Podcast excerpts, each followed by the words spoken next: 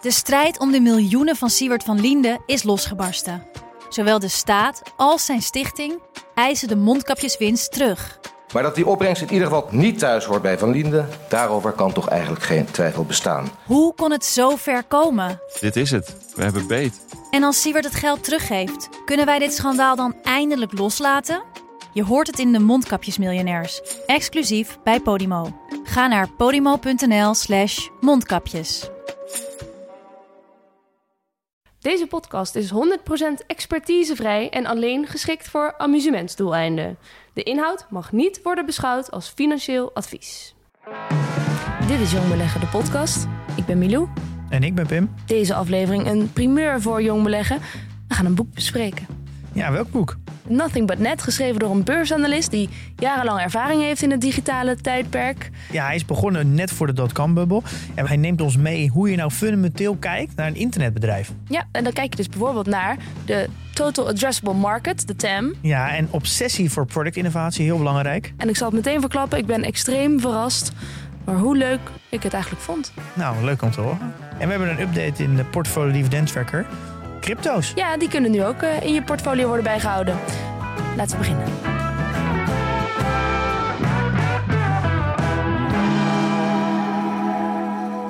Angst, zweet. Dat moeten we hebben volgens de kranten. Want ik, ik heb meerdere kranten opengeslagen deze week. Allemaal begonnen ze zo. En er waren wat mensen die ze hadden geïnterviewd die geld hadden zien verdampen. Angst, zweet, angst, zweet, angst, zweet. Ja, ik kan me die, uh, die vergadering met de redacties al goed voorstellen. Dat ze daar lekker zitten en denken, oh, 10% naar beneden. Nu kunnen we al die jonge beleggers eens even lekker de kast opjagen... met een paar goede artikelen in de krant. Ja. Ik ben er zo ook een paar keer over gebeld. Overigens ook geïnterviewd, maar niet de krant gehaald... omdat ik natuurlijk niet zei wat ze wilden horen. Uh, ja, dit is wel typisch hoe kranten zijn. En ik denk ook hoe, je, hoe media is. En als belegger zijn, dan moet je daar, uh, daarom ook niet te veel laten leiden. Beurzen gaan nou eenmaal af en toe naar beneden en af en toe omhoog. En ik denk dat dit, uh, deze correctie van uh, januari vrij gezond is. Denk ik, als je kijkt naar het verleden. En ik denk dat heel veel jonge beleggers, of nou oude beleggers of jonge beleggers, daar niet zo heel gek van opkijken. En veel meer uh, ja. daarvan leren en gebruik van maken. Door bijvoorbeeld posities uit te breiden die, die ja. je al heel graag bij zou willen kopen. Of posities te openen die je al heel lang op je watchlist hebt staan. Um, maar dit hoort er een beetje bij. En dat die kranten die die wakkeren wel die sensatie een beetje aan. En daardoor denk ja. je ook heel erg dat het heel overdreven is. Dat je echt denkt, oké, okay, nou, we kunnen echt wel naar min 50 gaan of zo. Kijk, een, een goede evenwichtkrant zou in principe allebei de kanten moeten vertellen. Ook mensen die niks hebben verloren. Nee, het, gevoel, het gevoel was een beetje, oké, okay, we zitten eigenlijk al, al twee jaar te wachten. Dan zijn die jonge beleggers zijn ingestapt in maart 2020. Er komt een moment. En er komt een moment als, die, als we een keer een correctie hebben van 10%. Oh, nou, dan, dan gaan er toch een hoop jonge beleggers uh, de markt uitlopen met een staart tussen hun benen. Daar uh, gaan we van smullen. Nou, over staart tussen de benen gesproken, jongens. Blijf. Af. Uh, hoest. Rust. Dus, Zit. Ja, laat je ook niet gek maken door krant. Ik denk ook daarom kan je ook beter volgens mij geen journaal, geen kranten lezen als, als, je, als belegger. Want het wordt altijd overdreven. Zowel naar boven als naar onder. dus lekker je eigen koers varen. En gewoon uh, niet te veel laten leiden door nieuws. Even wat anders. Wat leukers. Pim, ik heb een vraag voor je. Ben jij wel eens naar Burning Man geweest? Naar Burning Man? Nee, daar ben ik nooit geweest, nee. Festival in de Nevada. Nee, nee, nee. Ik zou dat toch een keer overwegen. Want het schijnt dus dat dat uh, een grote voorspeller is... van of jij een heel succesvol techbedrijf gaat leiden in de toekomst. Ja, dat uh, had ik ook gelezen, ja. ja. Telt Lowlands ook mee? Lowlands, nou, maar we kunnen het proberen. Ik denk wel dat het je in de goede richting kan duwen. Oké, okay, yes, Maar dit, dit, is een van de uh, grappige feitjes uit het boek dat wij hebben gelezen. Nothing But Net. Het boek gaat over beleggen in een internettijdperk. Dus afgelopen nou, pakweg 30 jaar. En uh, de, de schrijver van Mark Mahaney... die heeft lange tijd op Wall Street gewerkt. En in deze nou ja, techbedrijven en internetondernemingen uh, belegd. Of nou ja, belegd, uh, geanalyseerd. Analyseerd. Hij was analist. Hij was analist. Uh, hij noemt zichzelf analist om de sell side. En hij heeft dus heel veel ervaring. Ja, nou wat wel, wel leuk is, omdat eigenlijk bijna alle beleggingsboeken, die zijn allemaal oud. Ik geloof heel erg in het principe dat je kan beter een boek lezen wat 20 jaar oud is. Want dat betekent dat die theorie soort van de tijd heeft doorstaan. Dus wat erin zit is dus heel waardevol. En hoe, langer, hoe ouder een theorie is, bijna hoe beter het is eigenlijk. Dus oude boeken zijn over het algemeen beter om te lezen. Omdat ze um, van destijds doorstaan. Ja, ja. Um, maar we, ja, we leven toch misschien wel een beetje, denk ik rond 95, 2000 heb- is er een beetje internet opgekomen. En er is eigenlijk niet echt een beleggingsboek uitgekomen. Hoe je nou om moet gaan en moet gaan beleggen in zulke soort bedrijven. Een beetje consumer internet. Ehm, en het boek waar hij een paar keer ook naar refereerde is van Peter Lynch. One Up on Wall Street. Oh, dat is eigenlijk een, een heel goed beleggingsboek. Dat doet hij zelf. Alleen dat is geschreven in een ander tijdperk. En hij wilde eigenlijk daar een vervolg aan geven. Ja. Eh, In het digitale tijdperk, meer het internettijdperk, Ja. hij de lessen eruit. Ja, en hij is eh, analist sinds 98. Dus twee jaar voor de dotcom-bubble. Nou, ik kan me voorstellen dat hij het eh, als tech-analyst heel zwaar heeft gehad rond 2000. En er werd zelfs gezegd dat internet soort van fraud was. Dat dat überhaupt niet meer zou bestaan. Eh hij heeft eigenlijk een, ja, zo bij 25 jaar een beleggingservaring in beleggen in technologiebedrijven. Zoals hij heeft een Google op zien komen en een eh, Amazon en een Facebook. En hij eh, ja, schrijft daar eigenlijk al zijn lessen in hoe je naar zulke bedrijven moet kijken. Ja, tien lessen over hoe je aandelen uitzoekt. Goede aandelen. Ja. Stockpicking lessons. Nou, ik, dit is mijn eerste beleggingsboek wat ik heb gelezen. Ik moet zeggen, het was in het begin best lastig om in te komen. Met al die eh, getallen en cijfers en termen. Daar moet je echt wel even aan wennen. Maar toen ik er eenmaal in zat, betrapte ik mezelf erop dat ik het best een leuk boek vond. Deze man die schrijft super vlot. Heel veel voorbeelden de hele tijd. Ik heb echt de grootste belangrijke bedrijven op dit gebied ik beter leren kennen. Dus nog Google, Netflix, Apple, eh, Spotify, Shopify.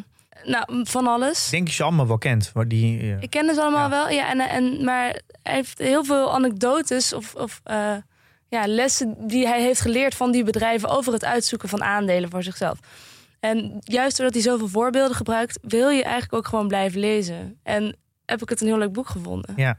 Ja, het leest heel makkelijk weg. Hè? Ja, ik heb het echt in één ruk uitgelezen. Het is echt, eh, ja, ik, ik vind het een heel fijn boek. Omdat ik heb heel vaak momenten gehad toen ik aan het lezen was... dat ik dacht, eindelijk iemand die, die verwoordt hoe ik me voel. Of hoe ik er ook over denk.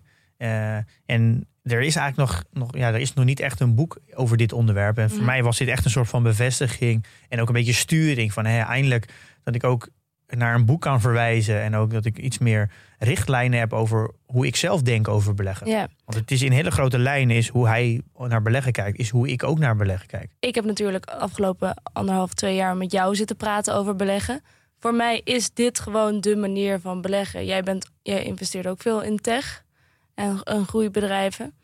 Dus ik weet eigenlijk niet beter. En ik las dit boek en ik dacht wel af en toe van... ja, maar dit weten we toch allemaal al? Ja, dat is misschien grappig. Want jij slaat natuurlijk eigenlijk een heel stuk over. Want de, eigenlijk beleg hiervoor was eigenlijk, ja, die is nu nog steeds, maar de andere stroming is meer dat, dat value stuk, value investing. En al die andere boeken van eh, Intelligent Investor en, de, en, en eh, ja, eigenlijk bijna alle boeken die, die al 20, 30 jaar oud zijn, die gaan veel meer over, eh, over de, de, de, de, ja, een beetje de numbers kant van beleggen. Dus de cijferkant, de, het waarderen, de financiën. Dus het is een, een, ja, het is een iets andere insteek. En als je bijvoorbeeld kijkt naar Dennis, die ook langs is geweest, die doet het veel meer, toch weer meer, ja, noem het misschien een beetje de oude school. Andere vorm van beleggen. En die, kan, ja, die kant heb jij misschien een beetje gemist nog. Eh, omdat Ik je heel veel met mij praat. Opgegroeid in de nieuwe school. Dus al deze info die ik las, dat viel ook in een soort van voorbereide aarde. Waardoor ik het gewoon ook goed kon begrijpen. Ja. Nou, dit is wel, kijk, het wil niet zeggen dat, dat dit nu. eh, Dat is ook wel een beetje de, vraag nu, waar constant over gesproken wordt. Ja, dit is nu in een tijdperk waar rente heel laag zijn, de internet heel hard opkomt. Ja, dit is, het is een soort van tijdelijk. Het is al, al tijdelijk, al twintig jaar. Eh, maar we gaan wel weer die omkeer krijgen naar value. Dus dan is dit een korte tijdperk in een geheel van 200 jaar, misschien wel 300 jaar, waar dit even succesvol was. Maar dit gaat niet zo blijven. Denk je dat? En nou, dat is wat. wa- Dat is een beetje de houvast van de value kant. Eh, en elke keer als de groeiaandelen in een keer zakken, dan is ook het eerste wat er gebeurt. Zie je wel, value is weer belangrijk. Oh, ja. Ehm, ja, ik, ik ben niet zo van de, die kampen. Eh, ik denk uiteindelijk dat er in allebei de kanten eh, prima rendementen te verdienen zijn. Maar je moet vooral gaan beleggen op de manier wat jou heel erg past. Ja. Eh, en ik denk dat de, de value kant vooral interessant is voor de mensen die veel analytischer zijn, die heel goed, die ook heel goed jaarrekening kunnen lezen. Eh, ja, die heb je net even wat andere, misschien net even iets andere karakter en een skillset nodig. En met de, ja, meer de technologie, dan heb je, ja, moet je misschien wat meer kunnen fantaseren. Misschien meer, het is meer wat subjectiever. Je moet dingen kunnen, kunnen verbanden kunnen leggen. Natuurlijk, eh, je moet nog steeds naar de cijfers kijken. Maar daar gaan we het nu eigenlijk even over hebben. Over, eh, in het boek gaat het eigenlijk heel erg over dat, dat fundamentele stuk. Maar dan vooral in de technologieaandelen. En die zijn wat, ja, wat softer dan alleen maar nummers. Ik denk dat het leuk is als we even door de, door de inhoud heen lopen. Ja, waar die constant over praat is de dislocated high quality stocks. Waar het eigenlijk over gaat is dat die, zeg je, de, de allerbeste bedrijven, de alle fundamenteel beste bedrijven, zelfs die zijn een keer dislocated, noemde hij dat. Dat is eigenlijk het hele interessante, is dat de allerbeste bedrijven, en dan praat je over een Google, een Facebook, een Amazon, nou ja, alle, alle, alle topbedrijven. Zelfs de topbedrijven wordt al gezegd, die zijn altijd duur. Ja, bijvoorbeeld een, een ASML in Nederland, die zijn altijd duur. Maar zelfs die bedrijven, die zijn regelmatig dislocated. Ja, en dan bedoelt hij mee dan relatief goedkoop. Ja, dan, ja, dan zijn ze even uh, ontwricht uh, qua prijs. En je ziet dat, uh, voor me geeft ook heel veel voorbeelden in het boek. Dat volgens mij tussen 2012 en 2016, volgens mij zegt hij dat die de, de vier grootste bedrijven, de FANG stocks, volgens mij van 14 keer dislocated zijn. En dan, noem, en dan een minimale correctie van 20%. Nou, dat Ja. zien we natuurlijk nu ook in januari. Eh, volgens mij ASML ging 30% eraf. Ja. Eh, A- Adyen 30% eraf. Nou, Netflix zelfs meer dan 40%. Spotify. Spotify ook iets van 40%. Ja. Shopify 50%. Dus zelfs de allersterkste bedrijven, die zijn af en toe eh, dislocated. Nou nou ja, maar kunnen we dan, wel zeggen, want dat vraag ik me dan wel af. Kunnen we nu wel zeggen over die bedrijven die nu afgelopen januari een correctie hebben gehad? Dat ze meteen dislocated zijn? Of zijn ze terug naar een meer reëel niveau? Hoe weet je dat? Ja, nou dat is natuurlijk het stukje waarderen, daar komen we zo bij. Mhm. En hij noemt het eigenlijk, er zijn twee soorten risico's die hij omschrijft. Er zijn natuurlijk eigenlijk wel meer, maar in, in bedrijven dan heb je het stukje eh, fundamenteel. Eh, dus is het fundamenteel een, eh, een goed bedrijf? En je hebt het stukje waarderen. Dat zijn eigenlijk de twee, de twee risico's. En je wil ten eerste de, het, het risico zo klein mogelijk maken dat je niet een fundamenteel f- slecht bedrijf koopt. En aan de andere kant wil je het risico verlagen dat je een te duur koopt. Ja. Dus, en dat is eigenlijk een beetje waar hij constant over schrijft. Is die twee, die twee dingen. Dus bijna het hele boek gaat over hoe herken je nou fundamenteel een sterk bedrijf. Ja, eigenlijk vooral dat, hè? Daar hij gaat het wel, eigenlijk het hele boek over. En dan vooral maar dat is vanuit niet het, belangrijkste, zegt hij. ja, maar dan vanuit het. Kijk, dat is het eh, ding waar het boek uniek maakt. Is hij geeft eigenlijk handvaten. Hoe herken je nou een kwalitatief goed bedrijf eh, in de internetwereld? En dat maakt denk ik het boek uniek. Kijk, eh, dat je een boek niet, dat je een, eh, een aandeel niet moet kopen voor te veel geld. Dat is iets wat denk ik algemeen Ja. geldt in beleggen. Maar hoe herken je nou een heel goed bedrijf in, het, in de internetwereld? Ja. En daar gaat eigenlijk het hele boek over. En dat vond ik eigenlijk het, het, het meest interessante aan dit boek. Want wat zijn ook weer die fundamentele dingen? Dus eh, Nou, ik herken dus heel veel dingen uit, uit de, gewoon de bedrijven die ik heb zelf opgericht. En uit de start-up wereld en de VC-wereld. En een beetje Silicon Valley. Eh, hij zegt, het zijn eigenlijk een beetje vier delen die die, eh, die die omschrijft. En de eerste is, er moet een soort van obsessie zijn voor productinnovatie. Dus er moeten de founders en het, en het core team moet een, zo'n obsessie hebben voor de ja, user-centric eigenlijk. Dus alles wat ze doen, alle keuzes die ze maken, die moeten gemaakt worden vanuit die, eh, de user-perspectief. Ja. En dan constant innoveren. Dus eigenlijk de hele organisatie moet één grote innovatie uitstralen. ja. En ja, ja, daar is ook een heel mooi voorbeeld is natuurlijk eh, ja, Amazon. Ja, die heeft gewoon al twintig jaar doet niks anders dan constant maar die eh, klanten centraal zetten. klant centraal zetten.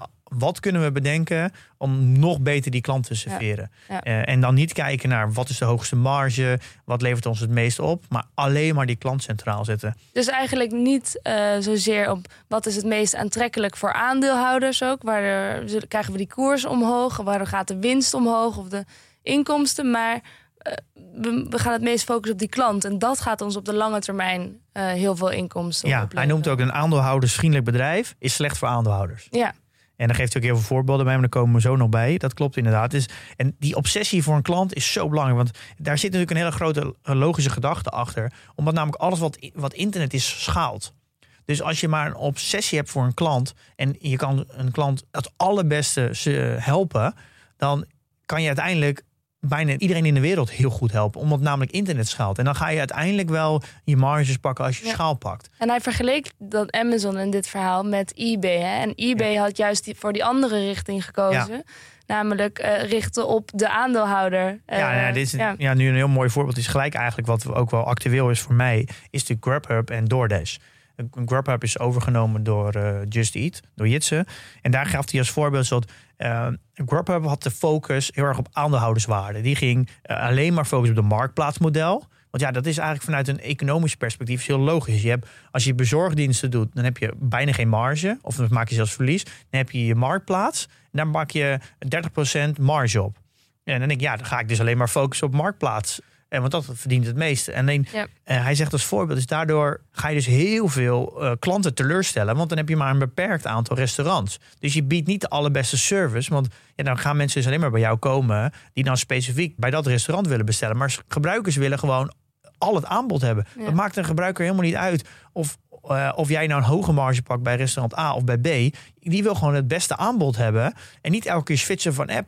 Ja. Dus de, er zit dus geen obsessie voor de klant. Ja. En DoorDash heeft dat dus heel goed begrepen door te zeggen: wij gaan gewoon de klant centraal stellen. En je ziet ook dat het marktaandeel van DoorDash is binnen een paar jaar die heeft gewoon alles overgenomen van Grubhub. Omdat die obsessie voor die klant. Dat het, le ja, het leuke daaraan is ook dat Grubhub het bewust heeft gekozen, hè, die strategie. Voor, ja, om aandeelhouders te dringen van ja. ga nou marges maken. Maar, maar omdat Grubhub zei van ja, uh, gebruikers van het platform die zijn nu eenmaal promiscu. Ze gaan van de ene naar de andere uh, bezorger van maaltijden. Maar dat is natuurlijk helemaal niet zo uiteindelijk. Uh, ze zijn alleen maar promiscu als je niet precies krijgt ja, exact. Wat hij wat nodig heeft, ja. wat hij wil van jou. En Niemand gaat zomaar vreemd. Nee, maar als je, ja, waarom zou je van apps wisselen als je namelijk daar alles kan krijgen? Ja. Uh, en je krijgt een hele goede service.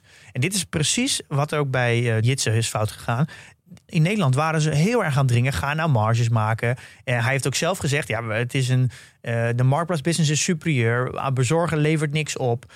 en daar heeft hij dus echt een essentiële fout gemaakt. door te focussen op marges, op aandeelhouders, waarde creëren. om aandeelhouders vriendelijk te worden. En elke keer dat die bezorgers ging diensten ging uitbreiden, allerlei lage marges business, werd hij eigenlijk aangevallen door uh, aanhouders gingen hem aanvallen. Ja, waarom doe je dit? En hij, maar ook sprak hij zichzelf tegen. Maar hij merkt ja. nu, en daar heeft hij echt een kantelpunt in gemaakt, dat uh, als je op lange termijn wil winnen, moet je een obsessie hebben voor je klant en voor innovatie. En dat is ook de reden waarom hij in onze podcast zei: uh, wij, onze core is de marktplaats en we doen eigenlijk de motor omheen. Dus dat is eigenlijk om, om uh, mensen bij ons binnen te halen en te houden. Ja. Is dat we die orders gaan bezorgen en dat we een hele eigen vloot op gaan zetten van bezorgers. En dat heeft eigenlijk Jitse te, te laat doorgehad. Ik durf wel te zeggen, als hij vanaf echt begin, want hij was natuurlijk de, eigenlijk de enige, als hij vanaf begin een obsessie had voor, voor klanten en niet had gekeken naar marges en zo, had Jitse echt bij, had misschien wel tien keer groter geweest. Hmm. Dit, en dat geeft hij ook als voorbeeld aan waarom DoorDash eigenlijk zoveel marktaandeel kon winnen in zo'n korte tijd. Ja, dus hier, hier leer je uit, de les hieruit is dat een bedrijf de focus moet hebben op de waardevergroting voor klanten en Ja. niet op geld verdienen. Nee. Maar dat is misschien een kwaal waaraan beleggers, aandeelhouders ook lijden. Dat ze Ja. gefocust zijn op geld verdienen. Ja, maar daar kom ik straks ook nog bij. Is dat het is ook een. Ik heb een soort van lijstje gemaakt met punten die, je die je zelf moet afvragen. En er is er ook eentje. Kan de CEO of founder eh, de groei voor winst goed communiceren naar aandeelhouders? En daar komen natuurlijk bij Jitse bij. Dat hij dat natuurlijk eigenlijk helemaal niet zo goed kan. En daar zit ook wel een heel goed punt. En daar kwam bijvoorbeeld Jeff Bezos altijd heel goed snel, mee want- weg. Want wat bedoel je dan precies? Kan die de, de groei communiceren naar aandeelhouders? Dus kun je ze van overtuigen dat op de lange termijn... Ja, kan jij goed uitleggen aan aandeelhouders dat, dat je nu kiest voor groei eh, in plaats van voor hoge marges?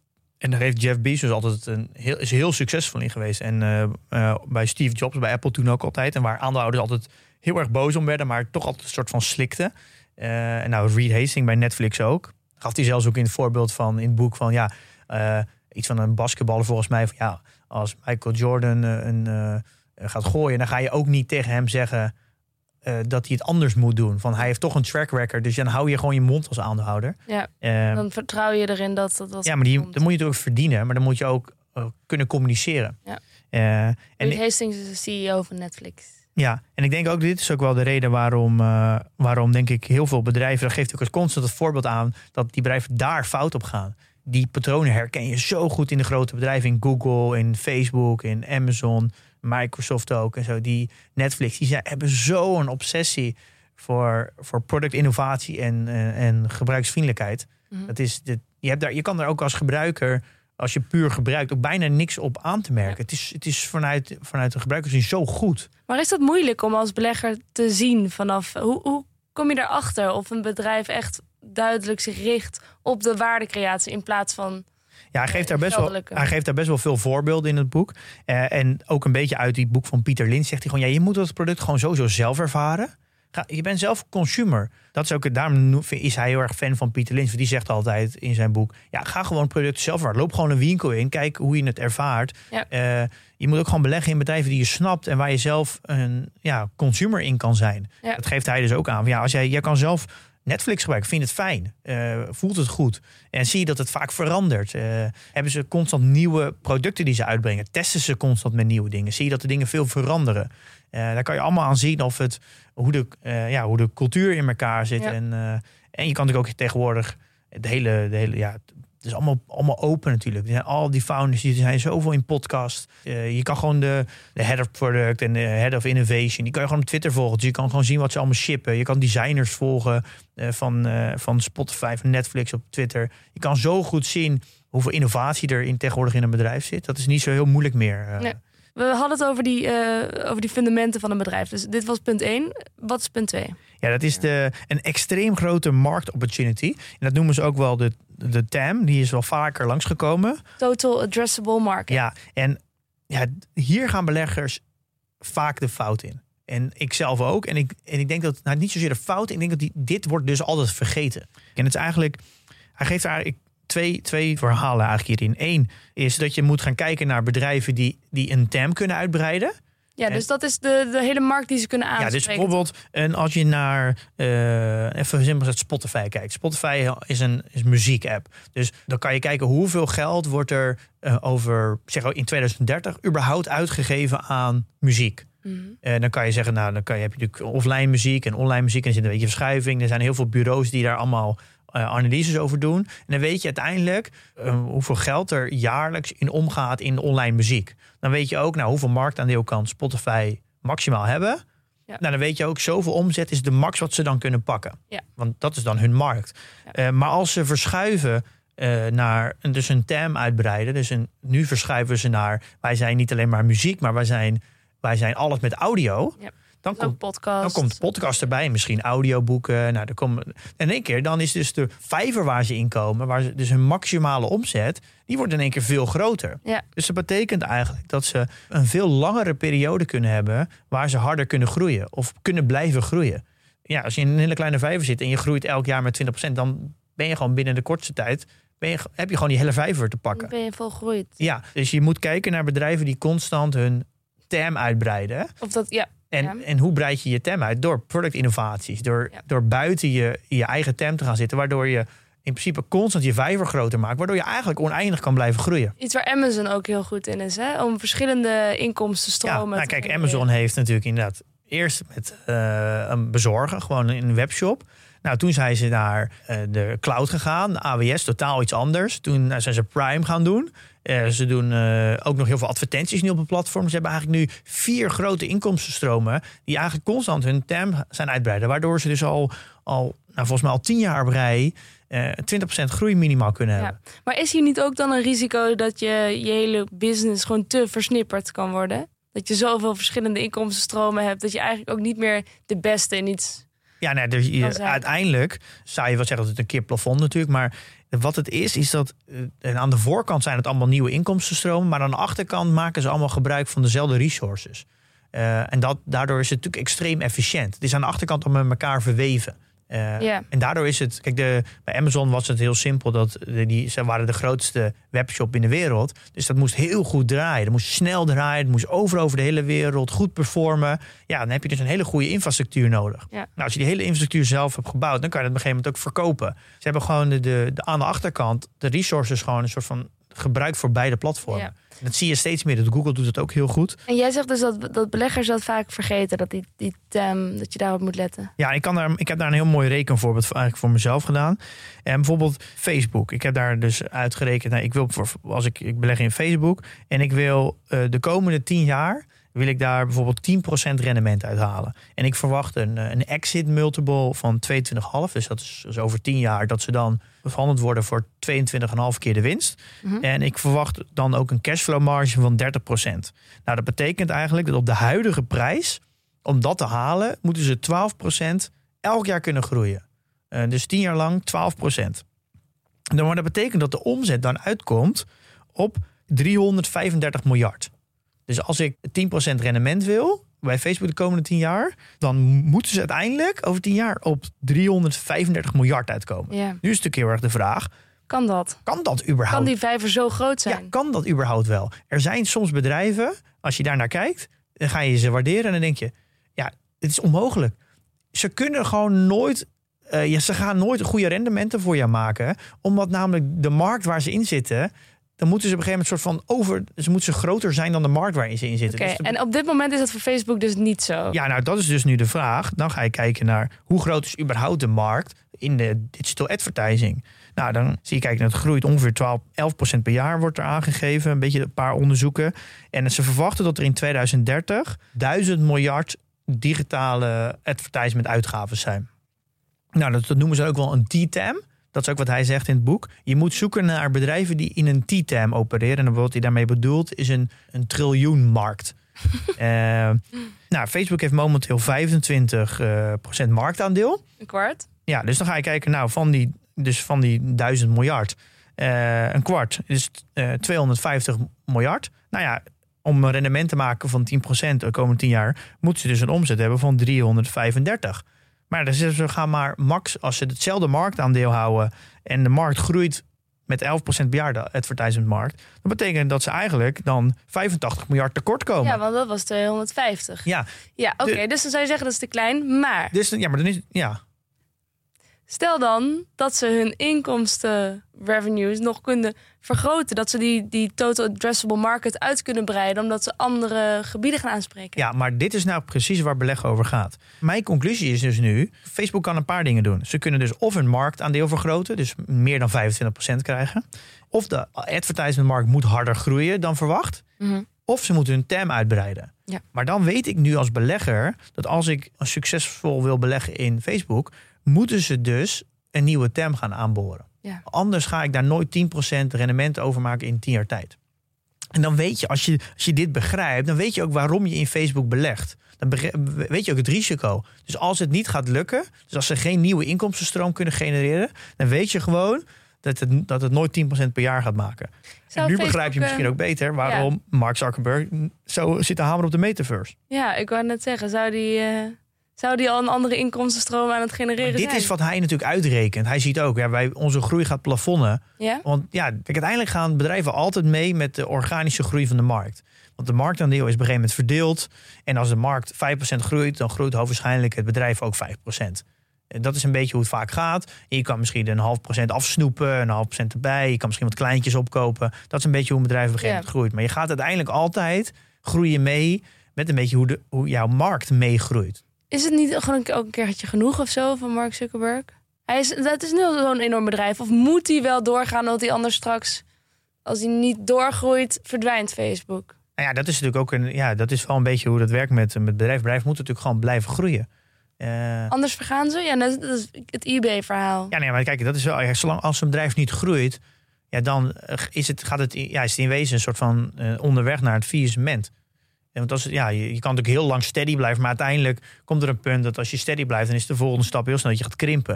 Het gaat, dat gaat gewoon een keer over. Dus je wil altijd, als je bestaan zegt houden, moet je in een bepaalde manier altijd blijven groeien. De aanval is de beste verdediging. Ja, maar ook omdat personeel eh, meer, meer gaat verdienen. Producten die je moet inkopen worden duurder. Dus je moet wel een vorm van groei houden. eh, om überhaupt mee te gaan met eh, de kosten die stijgen. Ja.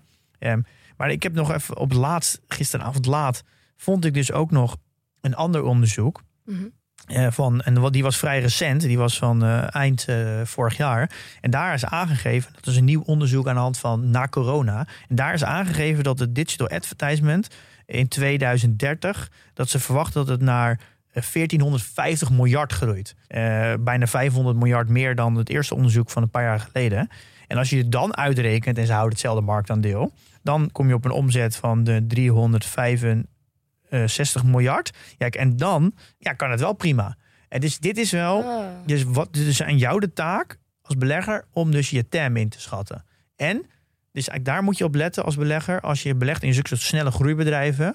Je wil kijken, kunnen ze hun premium groei zo lang mogelijk volhouden? Dus de- die vijver moet gewoon groot zijn. Anders kunnen ze die premium groei niet vast kunnen houden. Dus wat je moet doen is ten eerste kijken hoe groot is die TAM nou eigenlijk. En dan moet, je voor je, moet jij zelf inschatten. Dan kan je kijken, is dit überhaupt realistisch? Ja, als ik een bedrijf nu koop eh, en, ze, en er zit ingeprijsd 20% groei voor de komende vijf jaar. Kunnen ze dat überhaupt wel halen? Ja. En ten tweede, zit er genoeg productinnovatie in het bedrijf?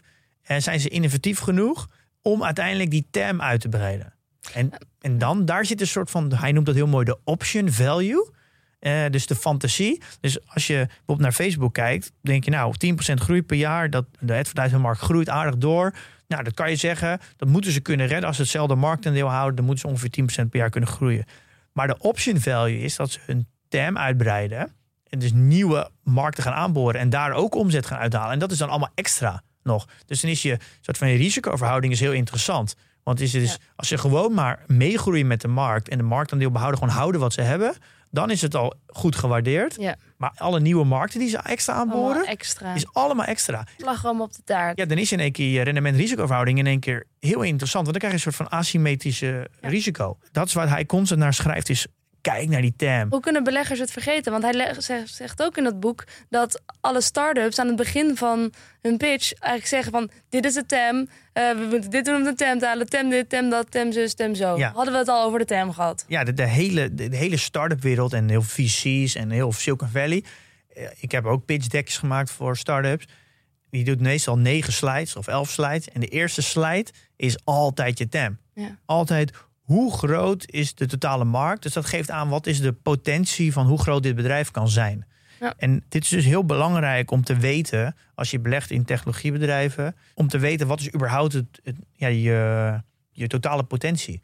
En daarom zie je ook wel onbewust in mijn portfolio dat ik zit dus, ik zit dus in fintech. Dat is echt een gigantisch grote TAM. Ik zit in eh, de, de, de chips heel veel, grote TAM. En ik zit in de e-commerce. En ik zit in de, de advertisement. Dat zijn eigenlijk de vier grote lijnen in mijn portfolio. En dat is eigenlijk niet heel gek als ik nu erover heb. Want dat zijn eigenlijk de vier hele grote TAMs. Ja. Dat, daar gaat dus nu eh, Netflix ook heel erg tegenaan lopen. Die heeft een abonnementsdienst. Eh, die, ja, je kan je wel je prijzen verhogen, maar ze hebben niks anders dan dat. Dus hun, hun term is eigenlijk eh, mensen die bereid zijn om video eh, abonnementen af te nemen. Dat, dat is het dan ook. En Ja. daar gaat Netflix nu echt tegenaan lopen. Van kunnen ze dus een nieuwe vorm van inkomsten aanboren? Ja. Moeten ze dan naar games gaan? Moeten ze dan naar, ad- naar advertenties gaan? Ze moeten op een gegeven moment die, die term gaan uitbreiden. Want op een gegeven moment plafon je gewoon met groeien. Want Ja. op een gegeven moment heeft iedereen Netflix. Want uiteindelijk was het bij Netflix ook zo dat eerst was het natuurlijk leuk om Netflix te hebben als je een tv had, wat veel van mensen hadden. Maar toen werden onze telefoons ook steeds eh, sneller en groter. En nu doen mensen dat ook op een telefoon. Dus hun TAM werd eigenlijk groter doordat mensen een smartphone kregen, toch? Ja, nee, absoluut. Ja, dat is, dat is een heel mooi voorbeeld die je aanhaalt. Want inderdaad, hij schrijft in het boek... Nee, hij was een van de echte early days in Netflix, was hij analist. En toen waren ze heel erg aan het puzzelen... hoe kunnen we de potentie van Netflix zien? Hoe kunnen we dat vastleggen? En toen waren ze heel erg, gingen ze met een heel team kijken van... hoe kunnen we die term definiëren? En op een gegeven moment toen ze door hadden... dat Netflix ook gekeken kon worden op een smartphone... toen in één keer is die term veel groter geworden. Want toen hadden ze dus als een, als een soort van referentiepunt voor die term... hoeveel mobiele telefoons worden er in Ja. de wereld verkocht. Ja. Toen ze dat door hadden, dat dat patroon erin zat... eh, toen is hij dus heel anders naar Netflix gaan kijken. En toen is hij, heeft hij dus Netflix eigenlijk, nou, volgens mij bijna tot nu... heeft hij altijd op een buy rating gehad. En dat- dat was een van zijn beste calls die die hij heeft gehad. Ja. Ja, dat is ja, een hele andere manier kijken naar beleggen. Maar dan moet je dus heel erg goed nadenken... wat, ja, wat is nou de, de potentiële term? En dat is soms heel moeilijk als het, als het een startend bedrijf, een nieuw bedrijf is... Die, ja, die iets nieuws doet. We gaan naar puntje drie van de eh, fundamenten die Mark Mahaney van Nothing But Net heeft. Ja, eigenlijk is, eigenlijk, dat is een hele aantrekkelijke waardepositie. En die heb ik eigenlijk een beetje met één no- meegenomen. De één is eigenlijk een obsessie voor productinnovatie. En die kan je eigenlijk definiëren onder cultuur. Er zit daar, zit daar een cultuur van je mag falen. Je moet gewoon constant nieuwe dingen proberen. Een beetje spaghetti tegen de muur aan gooien. Wat, Mhm. Kijken wat blijft plakken. En als het niet blijft plakken, dat je niet afgestraft wordt. En drie is eigenlijk meer de waardepropositie. Is kan je echt waarde creëren voor je klant. Dus dat het een soort van, ja, ik noem het een beetje, dat het stelen is van het bedrijf. Dat, Oh je, dat je zoveel waarde creëert, dat het eigenlijk, ja, vanuit een klant gezien, denk ik, ja, dat is eigenlijk een no-brainer dat ik dit ga afnemen. Ja. Eh, en, daar, en dat daar een hele grote focus is, dat je dat, altijd uit balans is. Wat je toch wel echt met Netflix hebt. Ik bedoel, als je, hoeveel is het, wat is de prijs tegenwoordig? Ja, je hebt, nu 11. ja, het ligt aan het abonnement voor mij tussen de 8 en de 12 euro. Maar alsnog, een- voor de, een, een kaartje voor de bioscoop is 11 euro. En met Netflix kan je de hele dag zoveel kijken als je wil. Ja, het, is Ja. Een, ja, het, is een, ja, het, ja, het voelt natuurlijk heel erg als stelen. Helemaal als je het vergelijkt met bijvoorbeeld een bioscoop of iets. Ja, ja nee, dat klopt. En dat is dus, heb je een extreem eerlijk, of een, ja, vanuit klant gezien, een extreem eerlijke deal. En daar wil je eigenlijk een beetje, een beetje naar, naar kijken als, als bedrijf. Ja, als je dat bijvoorbeeld kijkt, een beetje naar PDT, wat wij doen. Wij proberen ook een constant te innoveren, constant nieuwe dingen te proberen.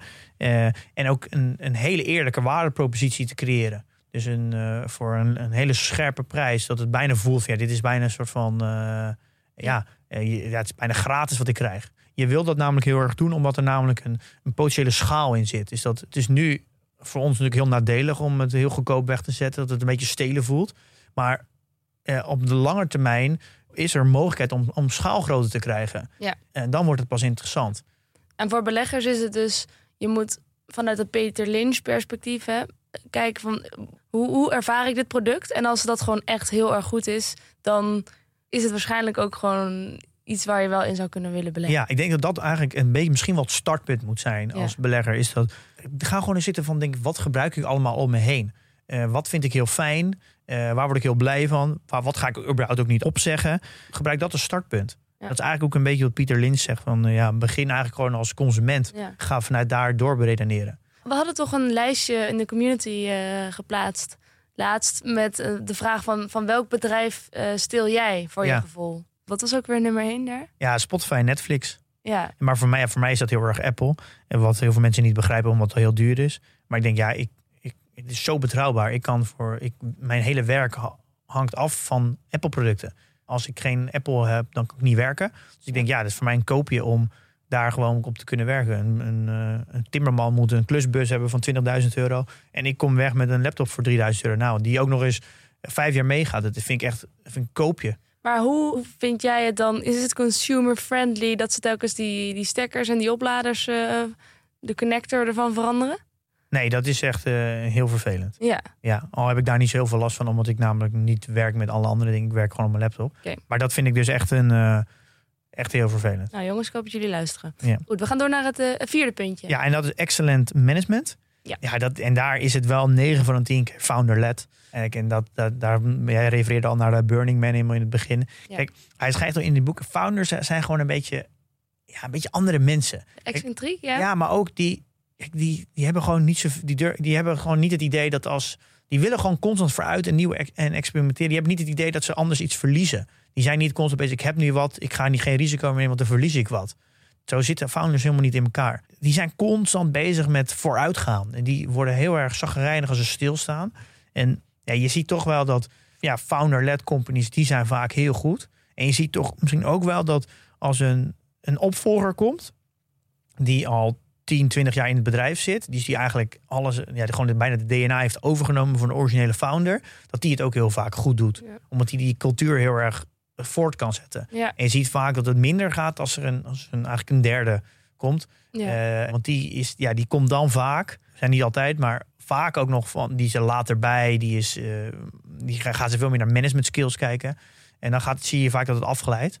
En, eh, ik vind een heel mooi voorbeeld L'Oreal. Dat denk ik dan zelf daar. daar dat is een, ook een prachtig bedrijf. En daar hebben ze volgens mij nog maar zes CEO's gehad in die hele periode. Dat is echt heel weinig.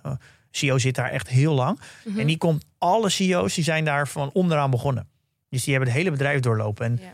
het geeft maar toch wel weer aan hoe, hoe belangrijk het is dat je iemand in je, dat de CEO's die die hele cultuur vasthoudt. En dat dat veel beter werkt dan dat je iemand gewoon van buitenaf even de baas laat zijn. Ja, en er staan ook wel voorbeelden in het boek waar de doorloop met CEO's best wel groot is. En waar het gewoon uiteindelijk ook niet echt iets wordt. Nee. Dus en, en ik denk dat toch een, die combinatie tussen eh, product innovatie, waardepropositie en management, ja, dat is eigenlijk een driehoekje. Dat is echt een driehoekje van die moet gewoon kloppen. Ja. Als er iets in dat driehoekje niet klopt, eh, ja, dan werkt het niet. En je ziet ook dat dat driehoekje is ook een soort van vliegwiel. Als het ene goed gaat, gaat het ander nog beter. En het gaat, het gaat maar door. En maar als, dat, als het ergens zand in de motor komt in die driehoekjes, dan gaat het ook heel snel fout.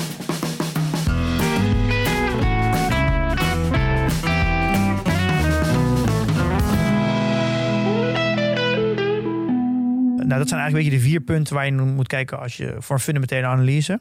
En hij zegt eigenlijk ook dat je heel erg moet focussen op omzet. Dus je moet kijken naar bedrijven die structureel premium omzet kunnen maken. Dus een, een kwalitatief bedrijf kan vijf jaar lang achter elkaar 20% omzetgroei maken. En als je, als hij dat niet kan doen, als je op een gegeven moment terugzakt onder de 20%, dan betekent dat het minder, dat het fundamenteel een minder goed bedrijf aan het worden is. Google doet het al tien jaar, hè? 20, meer dan 20 procent. Uh... Ja, maar ondertussen al 12 jaar. Ja, ondertussen al 12 Die cijfers van Google Ja. waren echt ongekend. Ja, maar Jij viel van je stoel gisteren. ja, ik vind het echt bijzonder. 32% groei. Hoe is dat mogelijk, zo'n groot bedrijf? Ik denk dat ieder, als je iedereen vijf jaar geleden had gevraagd, ja, Google is, eh, heeft is Wel het klaar, toch? 2000 miljard waard. En die gaat dan nog 32% groeien. En dan werd je echt voor gek verklaard. Maar ik vond dat eh, wel ook een interessant stukje over die focus op omzet, omzet, omzet. Eh, wat, wat hij heel erg benadrukt. Omdat dat ten grondslag ligt natuurlijk van andere zaken. Zoals winst en als vrije cashflow. Ja, ja, dus eigenlijk is het, je kan niet winst maken zonder eerst goede omzet te doen. Ja. Misschien wel goed om nog te zeggen, Google doet het al 12 jaar bereid, maar vanaf een, een eh, omzet van 25 miljard. Dat is nog even goed om bij te zeggen. Waarom? Eh, nou, omdat namelijk een, een 20% omzetgroei meten per jaar vanaf een eh, miljard omzet is natuurlijk veel makkelijker dan vanaf 25 miljard. Dus, dus het is wel een, eh, dat is wel goed om te zeggen. Dus daarom is het extra knap. Oh, Eh, en je hebt eigenlijk drie vormen van, van winst. En dat, dat noem je dan financial engineering. Dus een beetje share buybacks, een beetje andere boekhouden, trucjes, tax eh harvesting. Dus tekst naar verplaatsen naar bepaalde regels waar het voordeliger is. ja. Je hebt operationele kosten verlagen, dus gewoon efficiënter werken. Mhm. En je hebt omzetgroei. Dat zijn eigenlijk de, ba- de drie basisdingen om je winst te laten groeien. En omzetgroei is dan eigenlijk de Ja, dat is natuurlijk, die andere twee, dat zijn gewoon, ge- die zijn gelimiteerd. ja, trucjes. ook. Ja, trucjes, maar ook gewoon, die hebben gewoon een, uiteindelijk een beperking. Want je kan niet kosten blijven besparen. En omzetgroei is eigenlijk de enige organische manier. En ook de meest oneindige manier zonder dat je slachtoffers maakt. Zolang die tem maar groot is. Ja, dan moet je die tem dus constant blijven uitbreiden. Zijn, wat zijn nou bijvoorbeeld bedrijven die dat al dan vijf jaar doen? Die 20% om je omzetgroei? Ja. Eh, nou, bijvoorbeeld eh, het bedrijf waar ik zelf in beleg. Alibaba, ASML, Facebook, Shopify, de Trade Desk, Amazon. Allemaal al vijf jaar op rij minimaal 20% omzetgroei. Sommige bedrijven zelfs veel langer. Mhm. Ehm, maar andere bedrijven die, waar ik dan niet in beleg, die staan toevallig wel allemaal op mijn watchlist. Eh, Salesforce, Adobe, Airbnb. Als je dat corrigeert door, door, voor corona. Je moet natuurlijk wel, eh, hij noemt de macro-shocken. Daar kan je dus niks aan doen als bedrijf. Daar moet je wel op corrigeren. Align Technology, DocuSign, Etsy, HubSpot, Netflix, Spotify, Tesla, Het Lesje. Nou, en, nog, nog, eh, en nog tientallen andere. Dus het is te doen. 2% van de S&P-bedrijven heeft maar vijf jaar op rij eh, 20% premium groei. Oké. Ja, en dat klopt wel een beetje in lijn van dat de, de, de performance van de S&P wordt maar gedragen door 4%. Dus het zit daar, ja, kan, zal me niks verbazen als, als in die 4% precies die 2% ook zit die, eh, die premium omzetgroei laat zien. Speaking of which, dan als jij zegt Adobe, die doen al vijf jaar 20% omzetgroei. Dat is wel een bedrijf waarvan ik het idee heb dat ik er een beetje van aan het stelen ben. Want als je die, dat Adobe pakket hebt, dan mag je alles gebruiken. En ja, het is 60 per maand. Maar dan, dan heb je Photoshop, heb je Premiere Pro, heb je Adobe Edition. Het is eigenlijk natuurlijk heel Dat bizar dat jij voor... Jij kan je gewoon je he- een hele maand kan je jezelf verhuren als creatieveling. Dus als een podcastmaker of als designer of als video-editor. Eh, en dan het enige wat jij nodig hebt is een laptop en 60 euro per maand voor Adobe. Dat is natuurlijk... Ja, het is- dat, is, natuurlijk- dat is natuurlijk bizar weinig. Als jij daardoor je heel, een hele maand jezelf kan verhuren voor, voor ja, wat zeg je, 30, 40, 50, 60 euro per uur. En jij kan voor 60 euro zo'n abonnement nemen. Dat is natuurlijk echt een koopje. Daar ga je er niet eens over nadenken. Nee. En dat is een soort van jouw, ja, jouw, jouw hele gereedschapkist, jouw hele klusbus, waar een, een, een bouwvakker als ZZP'er 40.000 of misschien wel nou, zeg 20 tot 40.000 euro voor moet betalen, kan jij voor 60 euro per maand doen. Ja, het neemt ook nog eens minder ruimte in. Ja, dus het is natuurlijk uh, een onderhoudsvriendelijk product, wordt elke, elke, elke maand beter omdat ze updaten. Ja. Ja, het is natuurlijk, uh, Stelen. ja, ja, ja, zo kan je het wel zien. Zo zou je er ook een beetje naar moeten kijken. Houd de dief. Ehm, Nee, dat doe ik ook. Zo kijk ik ook naar.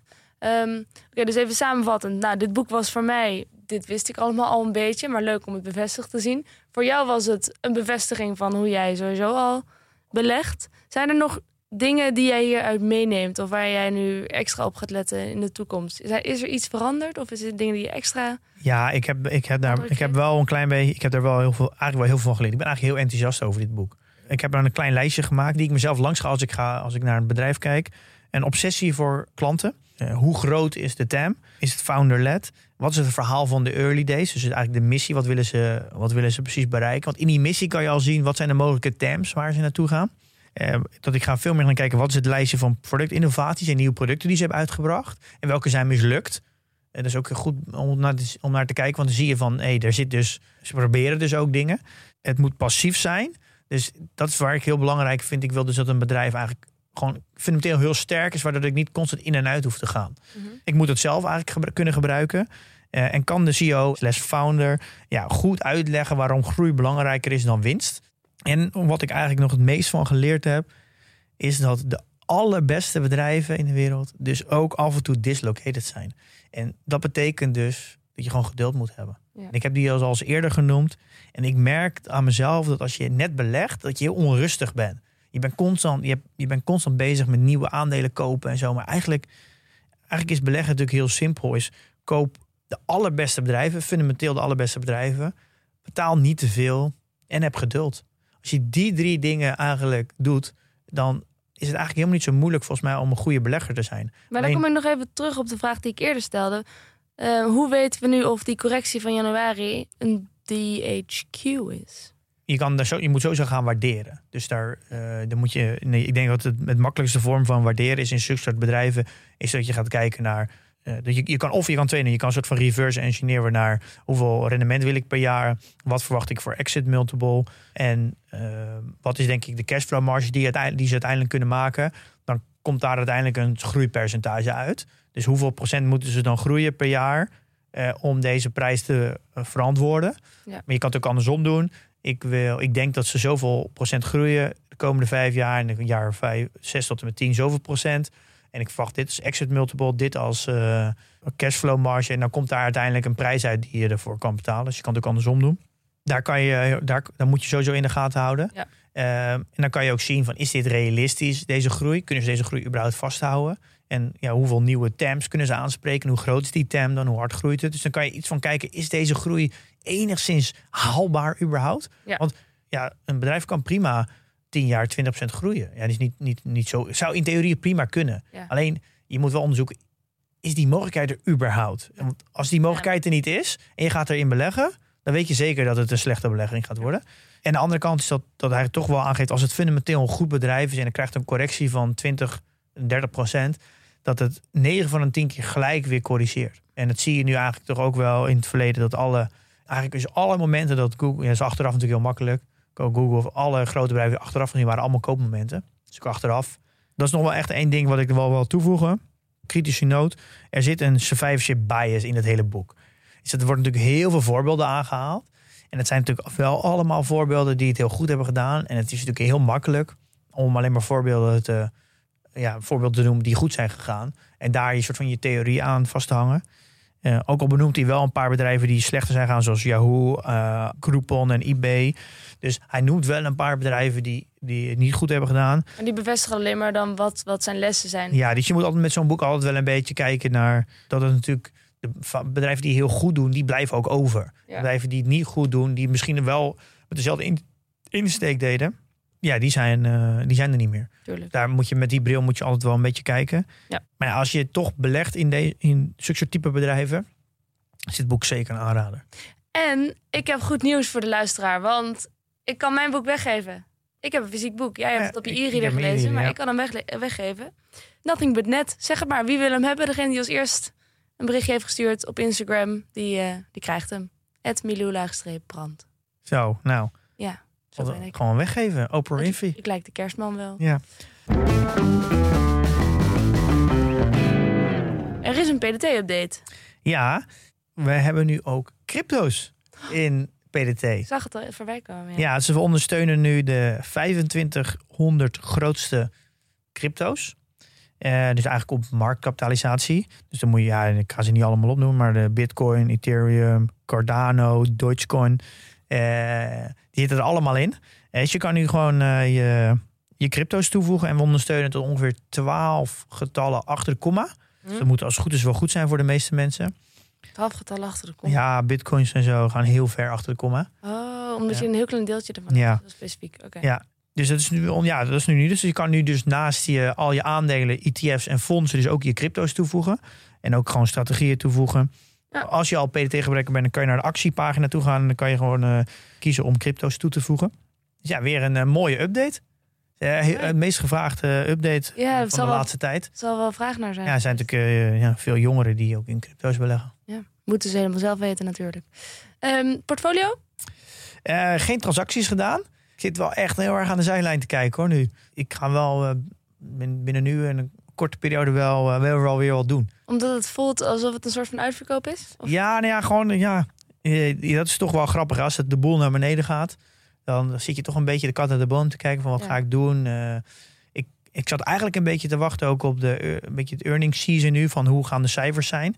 Eh, en die zijn eigenlijk echt boven verwachting tot nu toe. Dus achteraf gezien had ik misschien iets eerder moeten, maar dat weet je nooit. Dus, maar ik ga hem wel binnenkort weer, weer wel doen. Oké, nou, spannend. Dat dachten we af. Ehm, wat gaan we volgende week doen? We hebben weer een gast. Ja, we gaan nu de, nou, die we al eerder hadden gepland, industrie special over fintech. Ja, met Eh, Duco van Landschot. Met Duco van Landschot en even gesproken over een grote TAM. Eh, nou, dan is fintech er wel één van. En eh, daar gaan we ook met Duco over hebben. Hoe bereken je nu? Hij heeft er een heel mooie gedachte over. Hoe bereken je nou hoe groot de TAM is van zo'n van zo'n sector? Oké. Heel leuk. Is echte kenner. Ja. Kijk er naar uit. Ik ook. Goed. En in de tussentijd, jongens, investeer in je kennis. En beleg met beleid.